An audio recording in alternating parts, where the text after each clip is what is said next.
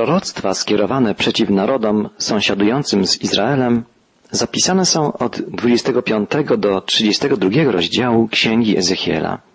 Do tej pory prorok, przebywający na wygnaniu, zwracał się do swoich rodaków, gdyż Jerozolima jeszcze nie upadła, miasto i świątynia nie zostały zniszczone.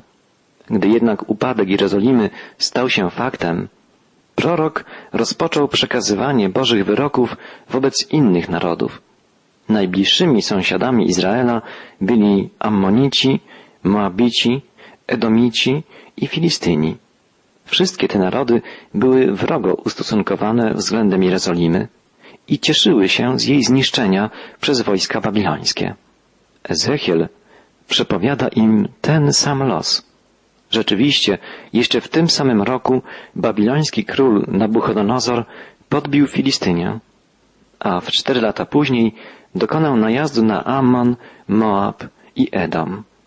Te państwa, jako niezależne byty, zniknęły z powierzchni ziemi. Stało się tak, jak zapowiedział Ezechiel. Jego przepowiednie spełniły się, co do słowa. Od początku 25 rozdziału Księgi Ezechiela czytamy. Pan skierował do mnie te słowa. Synu człowieczy, zwróć się ku Ammonitom i prorokuj przeciwko nim. Najpierw prorok ma zwrócić się z Bożą wyrocznią do Ammonitów. Zamieszkiwali oni w pobliżu Morza Martwego.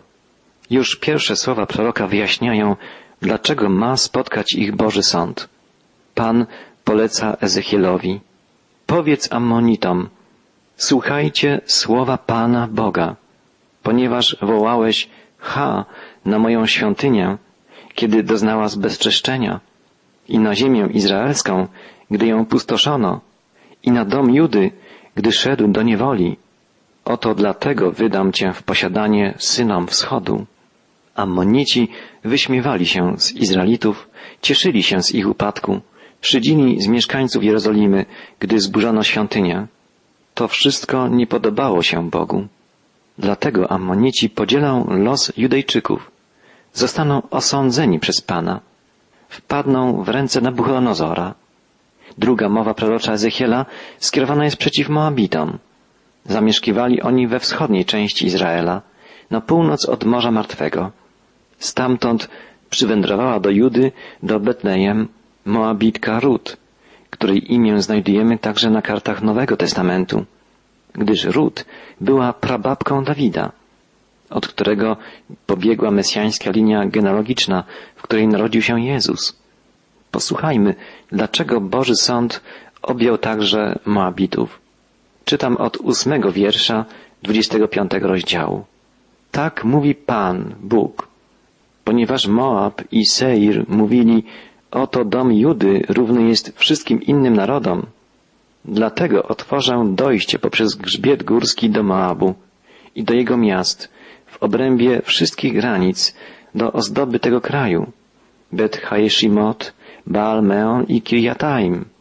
Dam ich razem z Amonitami w posiadanie synów wschodu, aby już o nich nie wspominano między narodami.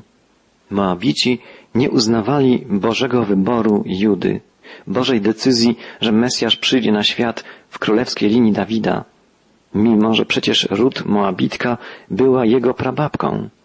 Niezrozumienie Bożych zbawczych planów, negowanie jego wyborów, jego woli i, jak w przypadku Amonitów, ogólna wrogość wobec Izraela, to przyczyny sądu nad Moabem. Dalej prorok Ezechiel woła, tak mówi Pan, Bóg, ponieważ Edom dyszał zemstą przeciwko domowi Judy, a mszcząc się ściągnął na siebie wielką winę, dlatego tak mówi Pan, wyciągnę rękę przeciwko Edomowi i wytracę w nim ludzi i zwierzęta i zamienię go w pustynię. Od Temanu aż do Dedanu polegną od miecza. Wrogi stosunek Edomitów do ludu judzkiego wybranego przez Boga, to przyczyna sądu także nad Edomitami. Te trzy ludy, wymienione dotychczas przez proroka, były spokrewnione z Izraelitami.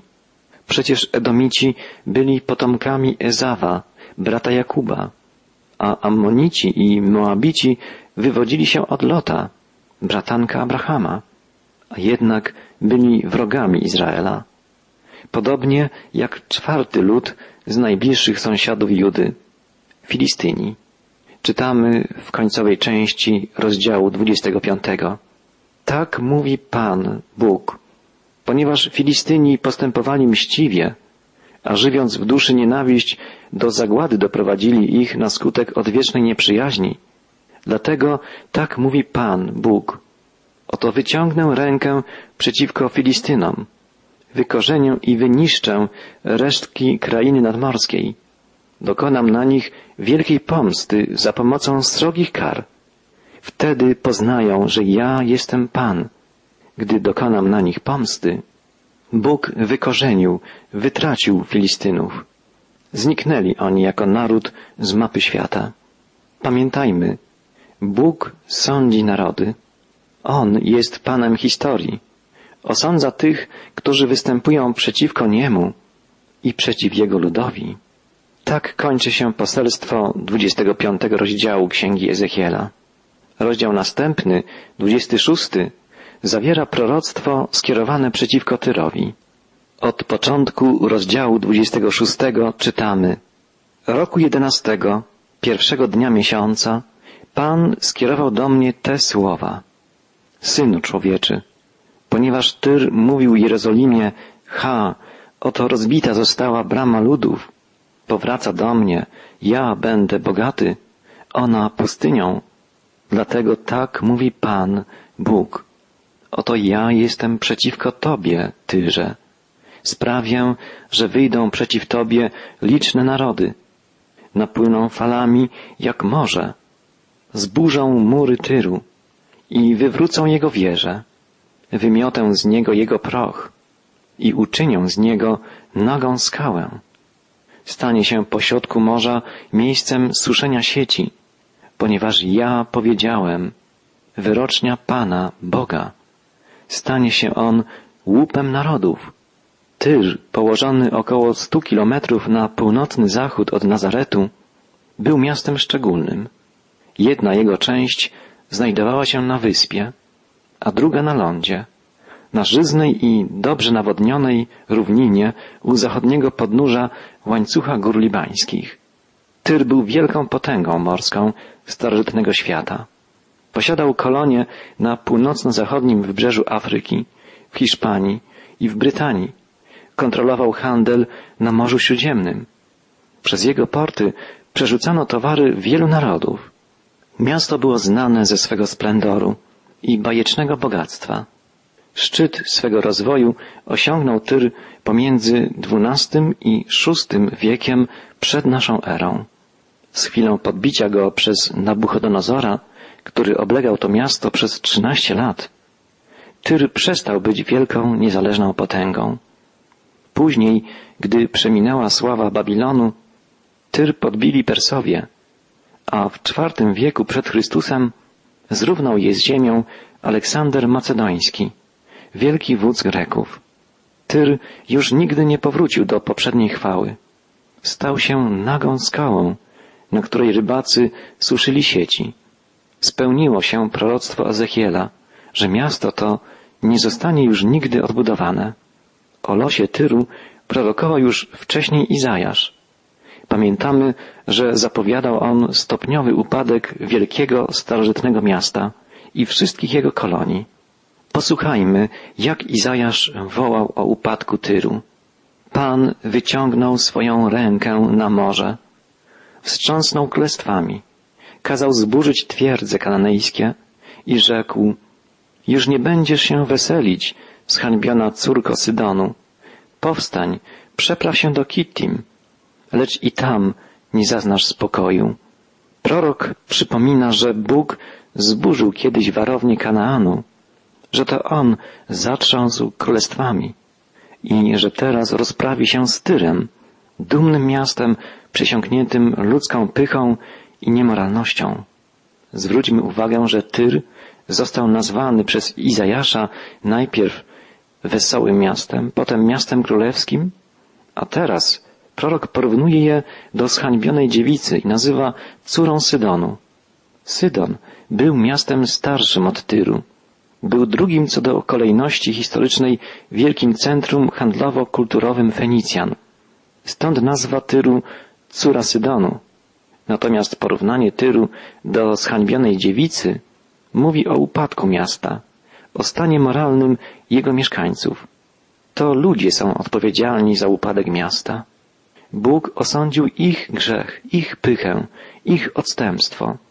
Tak było kiedyś w przypadku Sodomy i Gomory, tak było w przypadku Babilonu i tak było w przypadku Tyru. Tak też będzie w przypadku współczesnych miast, które stały się ośrodkami niemoralności, ludzkiej pychy, ludzkiego egoizmu. Boży prorok Izajasz woła i rzekł, już nie będziesz się weselić, zhańbiona córko Sydonu. Powstań, przepraw się do Kittim, lecz i tam nie zaznasz spokoju. Nawet ucieczka do Kittim, czyli na Cypr, nie przyniesie mieszkańcom Tyru spokoju, bo i tam dosięgnie ich ręka wszechmocnego, sprawiedliwego Pana. Wiemy, że przed Bogiem nie można uciec. Gdziekolwiek jesteśmy, czy w swoich rodzinnych stronach, czy gdzieś daleko w podróży, jest z nami Bóg i zawsze widzi nasze czyny, słyszy nasze słowa. Musimy być tego świadomi, że Bóg rozliczy nas z naszego postępowania. Możemy też być pewni, że On troszczy się o nas. I jeśli jesteśmy posłuszni Jego woli, jeśli przyjmujemy i odwzajemniamy Jego miłość, jesteśmy bezpieczni i możemy żyć w pokoju. Natomiast nie zaznają pokoju ci, którzy odwracają się od Boga i żyją samowolnie, kierując się swoimi egoistycznymi pobudkami. Prorok Ezechiel podał jeszcze więcej szczegółów przyszłości wielkiego miasta Tyr. Uzupełnił proroctwa Izajasza. Zadziwiające jest to, w jaki sposób wypełniły się zapowiedzi Ezechiela. Najpierw w 26 rozdziale Księgi Ezechiela czytamy o najeździe Nabuchodonozora, króla babilońskiego. Bo tak mówi Pan, Bóg. Oto ja sprowadzam z północy na Tyr Nabuchodonozora, króla Babilonu, króla królów, z końmi, rydwanami, jeźdźcami, wojskiem i licznym ludem. Córki Twoje, które są na stałym lądzie, zabije mieczem. Wieże obrężnicze zbuduje przeciw Tobie. Przeciwko Tobie usypie wały i tarczę wystawi przeciwko Tobie. Głowice swych taranów skieruje przeciw Twoim murom. Zburzy Twe wieże żelaznymi hakami. Z powodu mnóstwa koni okryje Cię kurzawa. Od tententu jego konnicy, jego kół i rydwanów zadrżą Twoje mury. Gdy wchodzić będzie w Twe bramy, tak jak się wkracza w zdobyte miasto. Wojska babilońskie zdobyły Tyr dokładnie w taki sposób, jak zapowiedział to Ezechiel. Córki Tyru to miasteczka i wioski rozsiane wokół tego wielkiego miasta. W ciągu trzynastu lat Nabuchodonozor splądrował i zniewolił całą okolicę, aż w końcu, po długim oblężeniu, sforsował potężne mury i wkroczył do miasta. Ezechiel woła, z powodu mnóstwa koni okryje cię kurzawa. Od tententu jego konnicy, jego kół i rydwanów zadrżą twoje mury. Gdy wchodzić będzie w twe bramy, tak jak się wkracza w zdobyte miasto. Kopytami swych koni stratuje wszystkie twe ulice. Lud twój mieczem pobije, a potężne twe stele powali na ziemię. Splądrowane będą twoje bogactwa, rozkradzione twoje towary, poburzone twoje mury, a wspaniałe twe domy porozwalane. Kamienie zaś twoje, drzewo i proch z ciebie wrzucą do morza. To proroctwo do końca wypełniło się dopiero po trzystu latach. Nabuchodonozor zniszczył Tyr, ale ruiny potężnego miasta leżały przez kilka wieków nad brzegiem morza, porażając swym majestatem. Słowa proroka Ezechiela kamienie zaś twoje, drzewo i proch z ciebie wrzucą do morza, wypełniły się dopiero kilka wieków później, za sprawą greckich wojsk Aleksandra Wielkiego.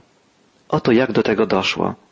Z relacji historyków wiemy, że zgodnie z zapowiedzią proroka Ezechiela, a wcześniej Izajasza, Tyr podbiły i zburzyły wojska babilońskie. Izajasz zapowiedział, że Tyr będzie zniewolony przez okres siedemdziesięciu lat. Ludność Tyru po siedemdziesięciu latach rzeczywiście powróciła do swego miasta, ale odbudowała je nie w tym samym miejscu, lecz na jednej z wysp Morza Śródziemnego, w odległości około kilometra od lądu, od poprzedniego miejsca położenia Starego Tyru. Wydawało się, że miasto położone na wyspie, chronione przez najlepszą na świecie flotę Fenicjan, będzie bezpieczne. Ale gdy w potęgę urosła Grecja i Aleksander Macedoński wyruszył na podbój świata, znalazł sposób, by podbić Tyr. Utworzył ogromny, kilometrowy pomost pomiędzy lądem a wyspą, krusząc ruiny Starego Miasta i wrzucając je do morza. Tak uniknął walki z flotyllą Fenicjan, w której skazany byłby na porażkę. Dotarł do Nowego Tyru drogą lądową, usypaną z ruin Starego Tyru. Niezwykle ciekawe jest to, że w ten sposób wypełniło się dokładnie proroctwo Ezechiela, że w miejscu, gdzie stało stare miasto Tyr, nie pozostanie nic, nawet ruiny. Ezechiel prorokował w imieniu Pana, zburzę mury Tyru i wywrócę jego wieże, wymiotę z niego jego proch i uczynię z niego nagą skałę. Dzisiaj można przechodzić po wielkim wale usypanym przez wojska Aleksandra Macedońskiego i można zauważyć wiele fragmentów ruin, kawałków murów, budowli, z których ten pomost jest usypany. Natomiast miejsce, w którym kiedyś znajdowało się potężne miasto Tyr, jest puste. Ezechiel prorokował, uczynię z ciebie nagą skałę, staniesz się miejscem suszenia sieci, nie odbudują cię więcej, bo ja, Pan, tak powiedziałem. Dzisiaj w pobliżu tego miejsca znajduje się małe tureckie miasteczko, ale po starożytnym mieście Tyr nie ma śladu. Nawet nie można dokładnie stwierdzić, gdzie leżało to wielkie starożytne miasto. Tak spełniło się proroctwo Ezechiela. Uczynię z ciebie przedmiot grozy. Przestaniesz istnieć. Będą cię szukać i nigdy cię nie znajdą. Wyrocznia Pana, Boga. Drodzy słuchacze, pamiętamy wiele mów proroczych dotyczących królestw takich jak Babilon, Egipt, Asyria, Medopersja, a także Moab, Etiopia, krain takich jak Edom czy Palestyna, a także miast takich jak Jerozolima, Damaszek, Tyr. Mówiliśmy o tym, że poza treścią dosłowną można odnajdywać w tych proroctwach także warstwę symboliczną. Na przykład Babilon symbolizuje fałszywą religię i bałwochwalstwo. Egipt świat świecki, system stworzony przez człowieka. Pamiętamy, że Izraelici mieli unikać Egiptu. Nawet Abraham, gdy tam się znalazł, wpadł w tarapaty. Apostoł Jan przestrzega nas. Nie miłujcie świata, ani rzeczy, które są na świecie. Medopersja to symbol przepychu, zbytku. Moab symbol formalnej, powierzchownej religijności. Edom cielesności. Damaszek kompromisu.